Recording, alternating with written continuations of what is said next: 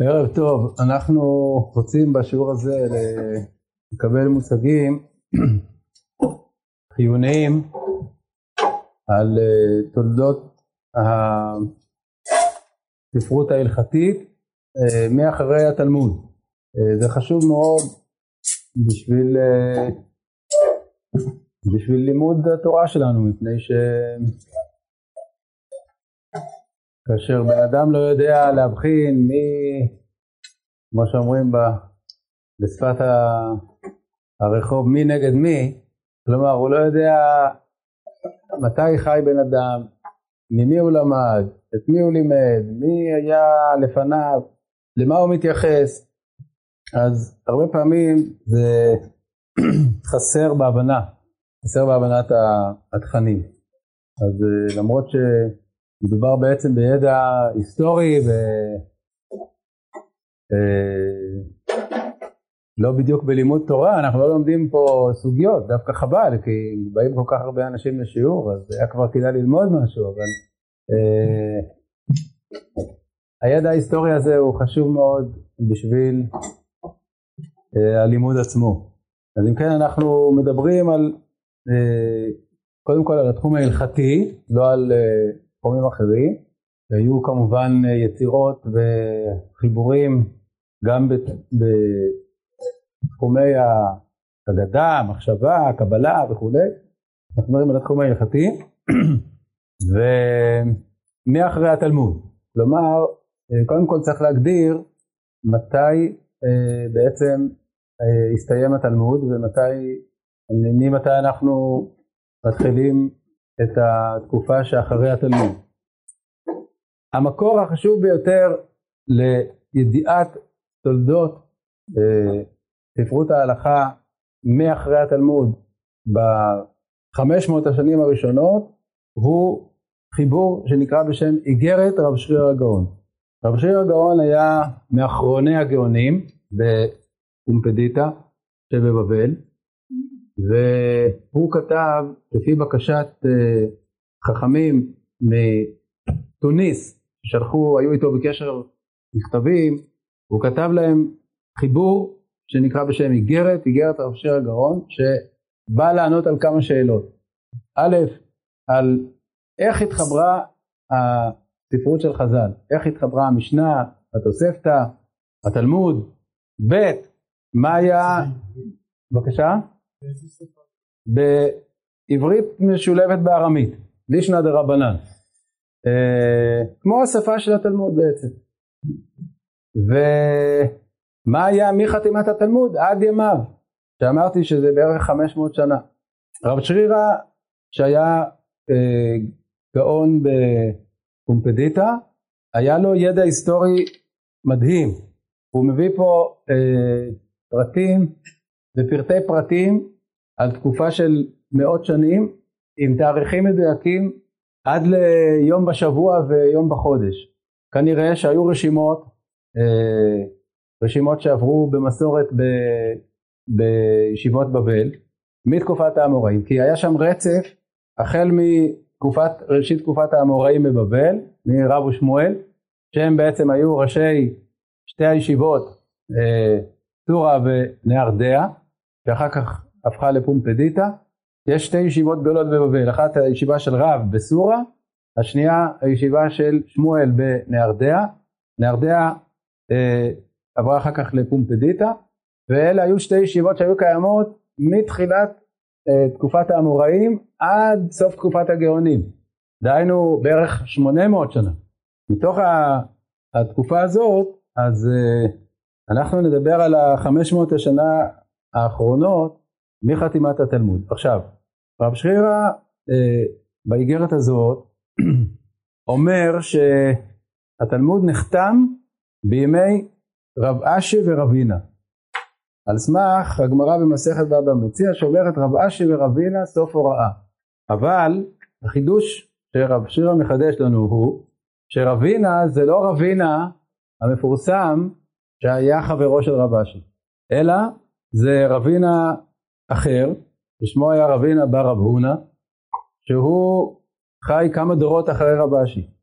אני אמצא את המקום שהוא מדבר על זה, כתוב בגמרא ששמואל ראה בספרו של אדם הראשון, שכתוב בו רב אשי ורבינה סוף הוראה.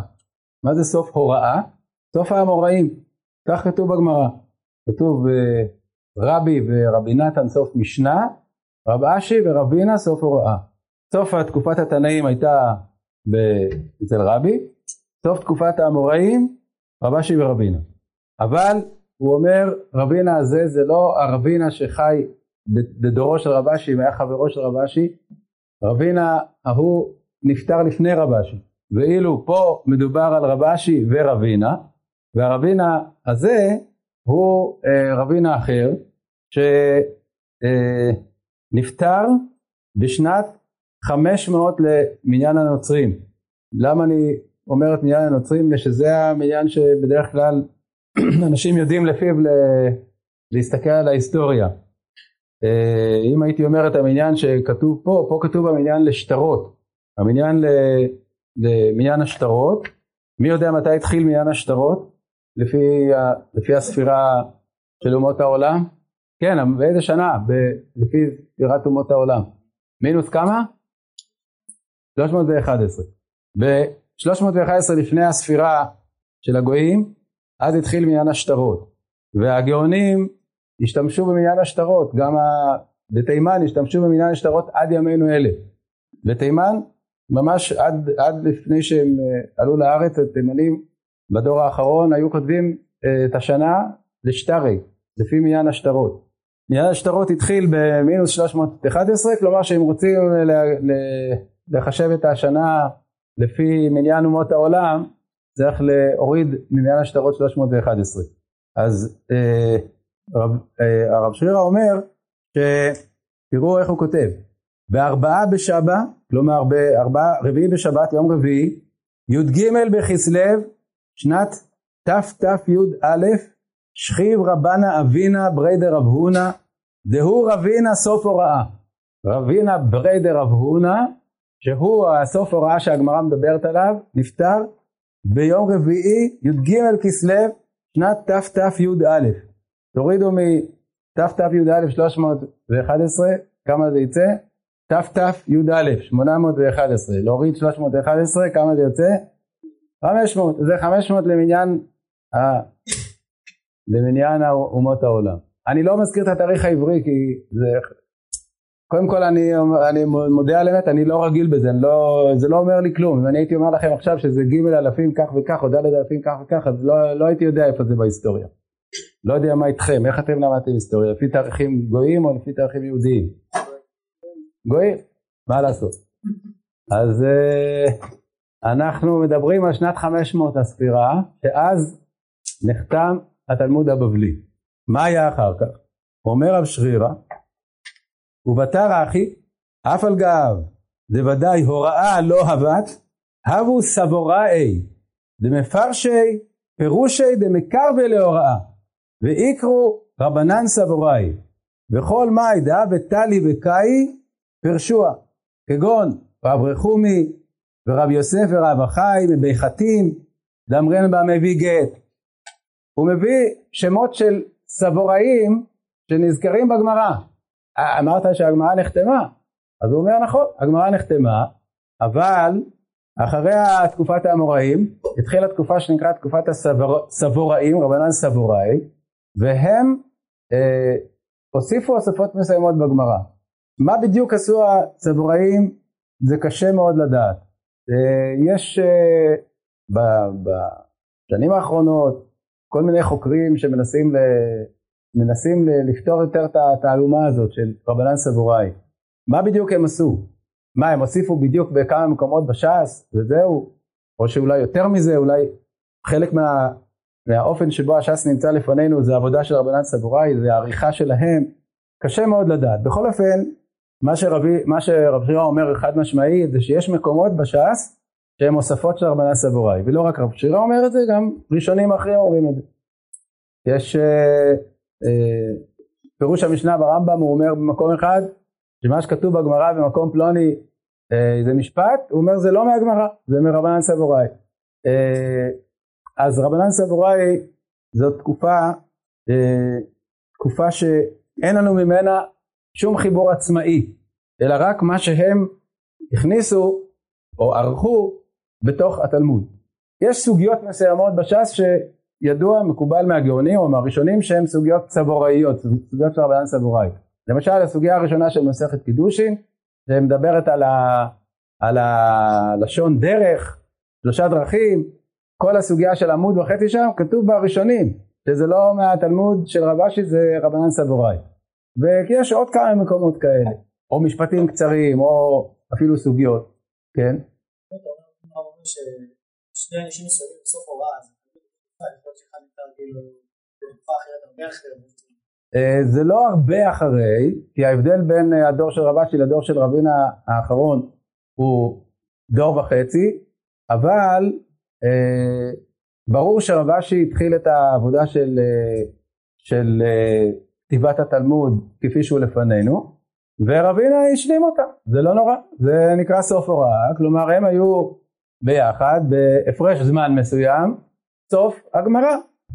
אחר כך זה כבר משהו אחר, זה כבר, רבנן סבוראי זה כבר אה, לא ראו את עצמם כאמוראים. עד רבין האחרון עוד הם היו אמוראים לכל דבר, הם הרשו לעצמם לחלוק אחד על השני וכדומה. ואילו משם ואילך, סוף הוראה, כבר לא ראו את עצמם כאמוראים. כמו שאנחנו יודעים בתקופות אחרות, שהיה סוף תקופת הגאונים, אז אחר כך כבר אף אחד לא ראה את עצמו כשווה לגאונים, אז זה כבר תקופה חדשה. כך היה גם בסוף תקופת הראשונים, בעזרת השם עוד נגיע לזה. בכל אופן, כפי שאמרנו, בבקשה? הסבוראים. כן, ההוראה והתמונה שלו בוודאי, כלומר ההוראה היא ודאי הרבה יותר מחייבת מאשר הסבוראים. מה שהרמב"ם כותב בפירוש המשנה שמקום מסוים שזה לא מהגמרא אלא מרבן הסבוראי הוא מתכוון להגיד שזה לא מחייב אותנו, שזה פירוש.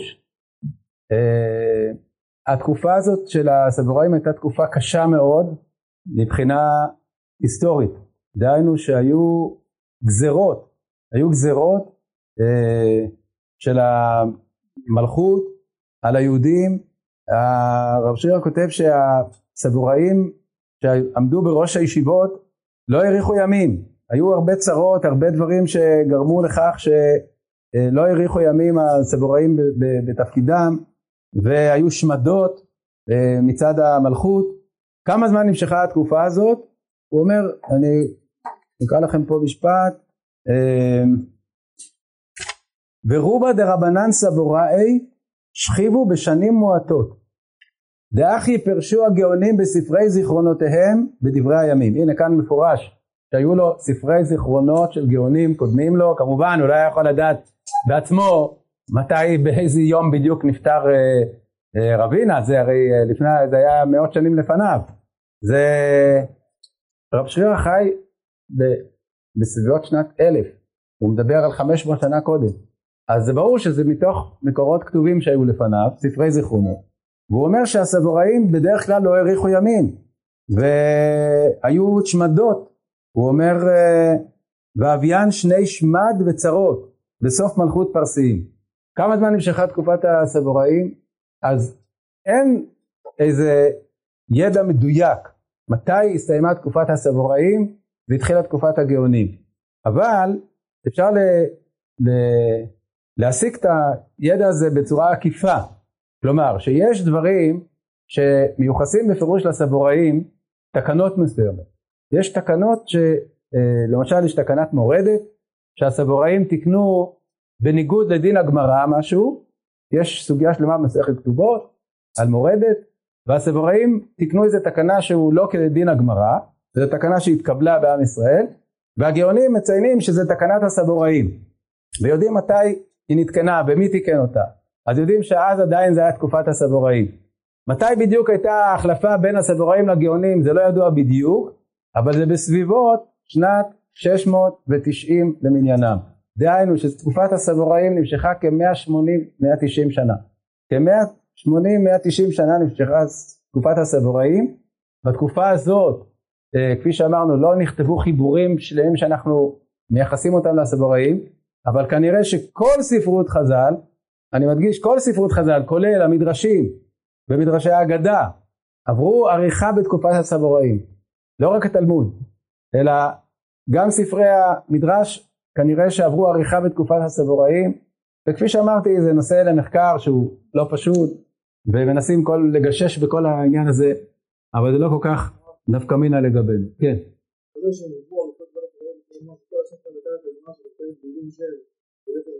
לא, לא אמרתי את זה, לא אמרתי את זה. יש, יש עכשיו אה, כל מיני אה, חוקרים שמנסים להגיד דברים כאלה, לדעתי זה לא נכון, אבל אני אומר שוב, זה, זה דברים שמגששים בהם באפלה. להגיד שכל סתמא דגמרא זה מהסבוראים, זה לדעתי לא נכון, לחלוטין לא נכון, אבל לא משנה, לא אכנס למחקרים האלה, כי באמת זה דברים שקשה מאוד, אה, קשה מאוד ל, ככה ב, על רגל אחת בכלל להתחיל לגרד אותם, אבל לפי דברי הגאונים והראשונים אנחנו יודעים שהעריכה של הסבוראים הייתה מאוד מינימלית. קראו להם בשם סבוראים ולמי שבא מאחריהם בשם גאונים. אז הייתה הרגשה שכאילו זה כבר משהו אחר, זה כבר לא אותו דבר. לסבוראים הייתה איזה, היה איזה מעמד מיוחד שהם בכל זאת, השמות שלהם נכנסו לגמרא. הרי רב שירה מציין שמות שכתובים בגמרות בכמה מקומות שהם, שהם סבוראים. כלומר, היה עוד כאילו איזה בת קול של תקופת האמוראים בזמן הסבוראים. בזמן הגאונים כבר לא, אין שם של גאון בגמרא. בבקשה? כן, תואר חדש. אם כי התואר גאון, התואר גאון הוא באמת לא היה, הוא לא היה חדש, כי רב שרירא למשל, אה, גם לאמוראים לפעמים קורא גאון. שמי שהתמנה לראש הישיבה אז הוא נקרא גאון. הגאון זה ראש ישיבת גאון יעקב, זה בעצם אה, התפקיד של ראש הישיבה. אז כך ש...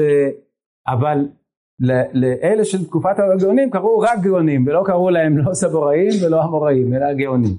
אם כן הספר הראשון שהגיע לידינו מתקופת הגאונים הוא של רב החי, שאילתות דרב אחאי שנקרא שאילתות דרב אחאי גאון אבל יש פה דבר מאוד מעניין רב אחאי לא היה גאון כלומר ודאי שהוא היה genius אבל הוא לא היה גאון דהיינו שהוא לא היה ראש ישיבת גאון יעקב, הוא לא היה, הוא לא היה ראש של אחת משתי הישיבות. והסיפור הוא ממש סיפור אקטואלי. תראו מה שהוא מספר. הוא מונה פה את הגאונים מתחילת תקופת הגאונים, ואומר ובתרי אחרי גאון בשם מר רב שמואל, ובתרי מלאך, מלאך זה נתמנה לראש הישיבה כידוע, בתרי מלאך מר רב נטרוי כהנא, נטרוי הכהן, ומן בגדד הווה, מן תותירה ברה, הוא היה מהעיר בגדד, מהשכונה שנקראה תותירה ברה, זה, תותירה זה, זה כמו גשר או משהו כזה, יודע בדיוק להגיד מי הוא, איפה הוא גר, וביומי סליק רב אחא משבחה לארץ ישראל. למה רב אחא משבחה עלה לארץ ישראל? דמר רב נטרוי, אותו מר רב נטרוי שנתמנה לגאון שמלאך שמעי הווה, הוא היה, הוא היה תלמיד, הוא היה שמש של רבה חמישבחה, וחד אדברינו נשיאה עליהו צליק לאטם. מינו את, את, אה, מינו את אה, רב נטרוי לגאון, לראש הישיבה, בעוד שהוא היה תלמיד של רבחה. לא מינו את רבחה שהיה גדול ממנו, היה רבו, הוא היה זקן ממנו, מינו צעיר לראש הישיבה, והיה מצב מביך. רבה חמישה משבחה הוא uh, גדול הדור, הוא uh, הרב, של ה, הרב של הרב הראשי, ומינו אותו לרב ראשי. אז הוא פשוט לא היה לו נעים כל המצב הזה, כנראה שלא רצה להישאר ב, ב, במקום שבו פונים אליו בשאלות במקום לפנות אל, ה, אל ראש הישיבה, אז הוא החליט לעלות לארץ ישראל. סיפור מעניין. אז אם כן רב אחא בעצם לא היה גאון, לא התמנה לגאון. בבקשה? לא, זה כל המקור. לא ידוע משום מקום אחר. הדבר הזה חוץ מאשר מאיגרת רב שרירא. עלה לארץ ישראל ונפטר בארץ ישראל. הספר אה, של השאילתות הוא ספר אה, יחיד במינו במובן הזה שהוא אה, בנוי מדרשות שרב אחא נתן בשבתות ובמועדים והדרשות היו אה, כמו שדרשו התנאים או האמוראים בזמן חז"ל, דרשה שכוללת הלכה ואגדה. הוא התחיל בהלכה, העלה שאלות הלכתיות ודן בהן, ואחר כך עבר להגדה, וזאת הייתה דרשה שנאמרה בבית הכנסת בפני הציבור, והוא כתב אותה אחר כך. בידינו נמצא, נמצא ספר השאילתות אה, מקוצץ קצת, כי כל החלק של ההגדה בדרך כלל הושמט. המעתיקים של הספר פחות התעניינו בהגדה, אמרו זה לא כל כך חשוב, מה שחשוב זה ההלכות, ולכן רוב השאילתות שלנו, כשמתחילה ההגדה אז מיד אחר כך אה, כתוב כאילו וכולי ולא, ולא לא, לא מופיעים החלקים האגדיים, אבל יש כמה נוסחאות של השאילתות בכמה כתבי יד שונים ובחלקם יש כן אה, יותר חלק של ההגדה, חלקם פחות, בכל אופן הספר הוא אוצר בלום של דברי הלכה בכל ענייני, עניינים של הש"ס, עניינים שונים ומפוזרים, לא כל הש"ס כמובן, כי זה היו דרשות על פרשת השבוע. אז מה שקשור לפרשת השבוע, היו מצוות שקשורות לפרשת השבוע, עליהם הוא דיבר. והוא דיבר עליהם, וכמובן הביא הלכות בסיסיות וגם שאלות מסוימות, אה, הוא מעורר שאלות ועונה עליהן, כך שיש שם חומר הלכתי רב מאוד, והוא ספר ש... הראשונים מעריצים אותו, הם אומרים שכל דבריו דברי קבלה, אי אפשר לחלוק עליו וכולי.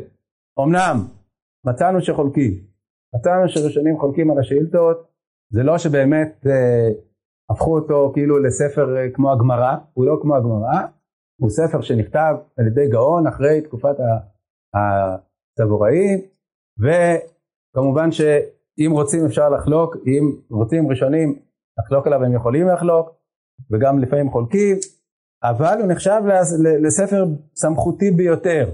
הרמב"ם מונה אותו בין הספרים שהתחברו אחרי התלמוד בהקדמת המשנה קורא לו בשם, בשם הלכות רב אחא הלכות רב אחא זה בעצם ספר השאילתות. כן. למה מה?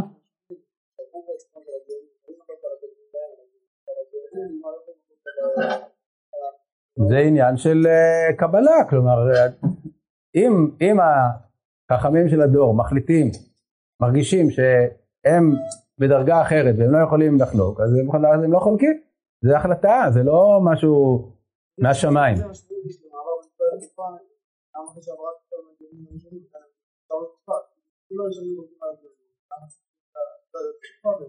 Uh, טוב אתה, שואל שאלה נכונה אז התשובה יש שתי תשובות בדבר א' שזה עניין טכני דהיינו שהגאונים זה היה מוסד מוסד הגאונות הוא היה קשור לשתי הישיבות שבבבל ובתקופת הגאונים זה היה מרכז התורה הבלעדי לפחות ברוב תקופת הגאונים במשך רוב תקופת הגאונים מרכז התורה הבלעדי היה בבבל שם, היה, שם הייתה הסמכות התורנית של עם ישראל ושלחו משם תשובות לכל תפוצות הגולה.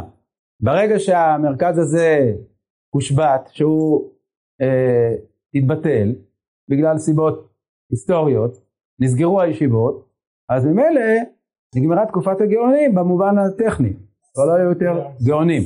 בבקשה? שנת 1038. 1038 נפטר אה, רבי גאון והוא היה אחרון הגאונים, ב-1040, שנתיים אחר כך נסגרה הישיבה, סגירת פומפדיטה, צורה נסגרה כבר לפני כן.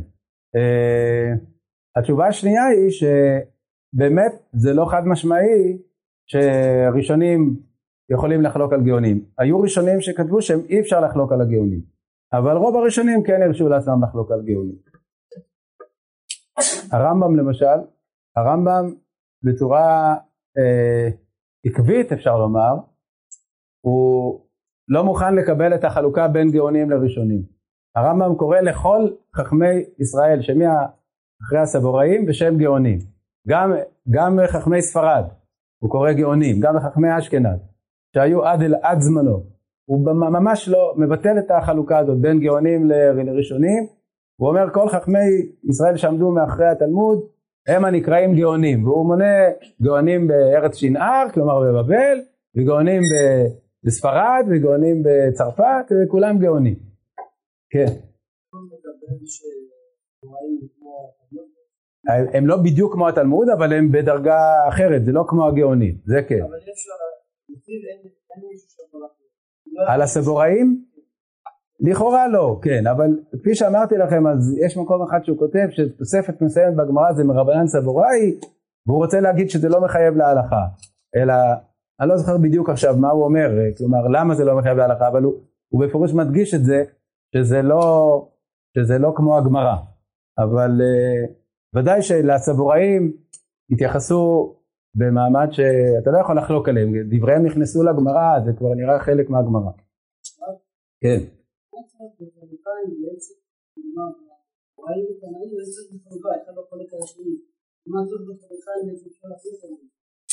תמיד כשיש חלוקה, אז משמעות הדבר שאו שבכלל לא חולקים עליהם, או כמו בתנאים והאמוראים, האמורא יכול לסבור כמו אחד התנאים. הרי מה יש לנו תמיד בש"ס? מקשיב על המורה מברייתא, מקשיב על המורה ממשנה. אז מה הוא אומר? אני סובר כמו פלוני. אבל הוא לא יכול להגיד אני חולק עליהם. רב תנא הוא פליג. רק רב אתה יכול להגיד שהוא עוד שייך לתקופת התנאים. אבל כל האמוראים אחר כך, שמקשים על המורה ממקור תנאים, מברייתא, ממשנה, אז הוא יכול להגיד, בסדר, אז הם אמרו ככה, אני אומר אחרת. לא, אין דבר כזה. מה הוא כן יכול להגיד? הוא יכול להגיד, ענה כרבי פלוני סבירה לי, כלומר הוא רוצה מקור תנאי, שיש תנא שסובר כמוהו, אז הוא מכריע בין התנאים, יכול לפסוק כדעת יחיד בין התנאים.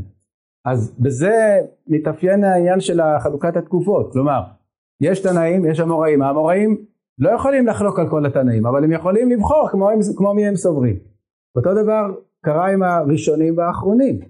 האחרונים הם לא יכולים להגיד אני חולק על הראשונים, אין דבר כזה. אין, ראש, אין אחרון שאומר אני, אמנם ככה כתבו הראש והר"ן והרמב"ם, ואני אומר אחרת, אין, אין דבר כזה. האחרונים, מקסימום שהם עושים זה להגיד אני סובר כמו אחד הראשונים, וגם זה לא כולם עושים.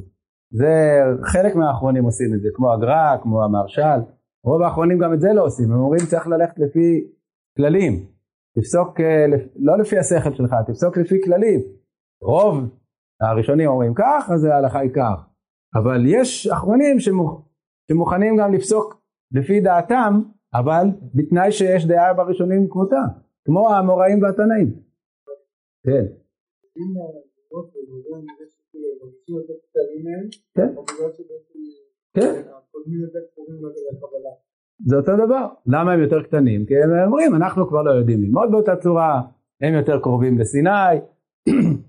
מזה יש העניין של ירידת הדורות וההרגשה הזאת שכאילו נגמרה תקופה, איך, איך עברו מראשונים לאחרונים, זה תמיד גם קשור לאיזה מאורע מסוים. כלומר זה לא, יש משהו בהיסטוריה שגורם את זה. למשל איך, איך נסתיימה תקופת הראשונים? גירוש ספרד. זה היה, זה היה, זאת הייתה המכה. כי עד עד גירוש ספרד עוד היה רצף של תקופת הראשונים בספרד. אבל ברגע שהיה גירוש וכל קהילות ישראל עברו לארצות אחרות, אז למרות שהיו שם חכמים גדולים וגדולי עולם כמו בית יוסף, כמו הרדב"ז, כמו אחרים, הם הרגישו זה לא אותו דבר, אנחנו כבר לא שייכים לאותה תקופה. בבקשה? גירוש ספרד היה ב-1492. כלומר שבעצם אנחנו מדברים פה על תקופות של 500 שנה. ה-500 שנה מחתימת התלמוד עד סוף תקופת הגאונים ו-500 שנה תקופת, מסוף תקופת הגאונים עד סוף תקופת הראשונים. אה, אז אם כן אמרנו לגבי השאילתות, אה, הספר הוא, הוא בעל חשיבות עצומה. כל נושא שבו השאילתות עוסק בו, תמיד הראשונים יזכירו אותו. וכדאי לפתוח את השאילתות בפנים ולראות איך בדיוק הוא אומר.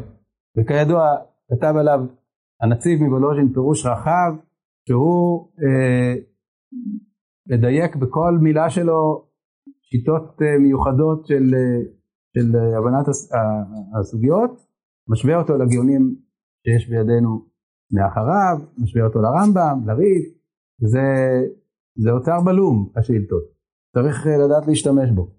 בכל אופן אה, זה הספר הראשון שיש לנו מאחרי תקופת התלמוד ובעזרת השם בפעם הבאה נדבר על הספר השני אה, שחובר ממש אה, שנים בודדות אחר כך והוא ספר הלכות סוכות של רבי יהודה גאון.